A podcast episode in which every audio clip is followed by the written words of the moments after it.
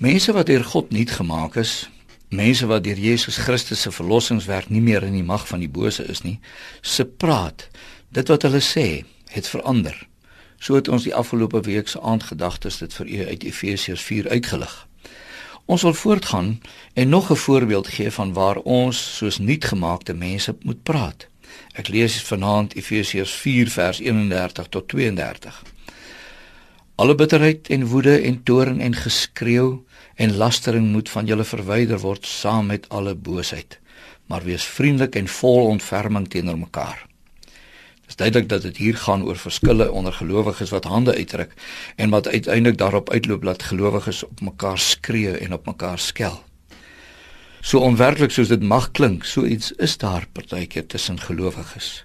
Soms in huwelike, soms voor die kinders tussen gelowige kollegas, kerkmense, dat dinge hand uitdraak en dat 'n mens na die tyd sê ek kan nie glo wat gebeur het nie. Daarom is die opdrag baie duidelik: verwyder so iets onder julle uit. Maar hoe kry ek dit verwyder? Ek wil uit hierdie vers sê, moenie by die geskree en die geskel begin nie.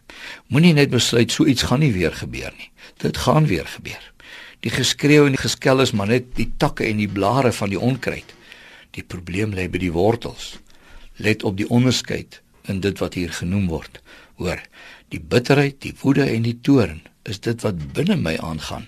Die geskree en die geskel is dit wat na buite kom. Om die takke en die blare van die onkruid te verwyder, moet jy by die wortels begin. Hoe doen ek dit? Daar moet nuwe wortels kom. Vers 32 sê: Wees goedgesind en hartlik teenoor mekaar. Dit is die nuwe wortels. Maar hoe vestig ek hierdie nuwe wortels in my sodat die onkruid van geskreeu en gevloek nie meer uitkom nie? Hoe raak ek goedgesind en hartlik?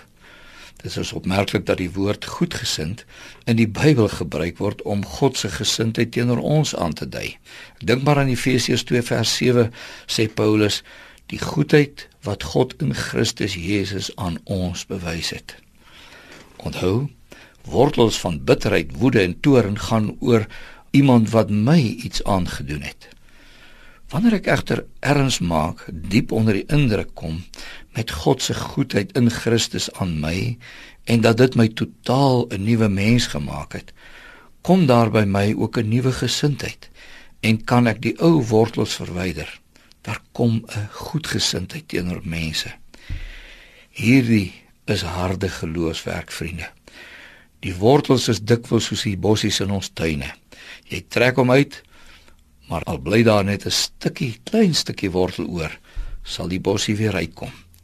Onder leiding van die Heilige Gees moet ek meer en meer onder die indruk kom van God se goedheid in Christus teenoor my, sodat daar 'n nuwe wortels by my sal kom en daar vrugte sal wees wat pas by die werk van die Gees.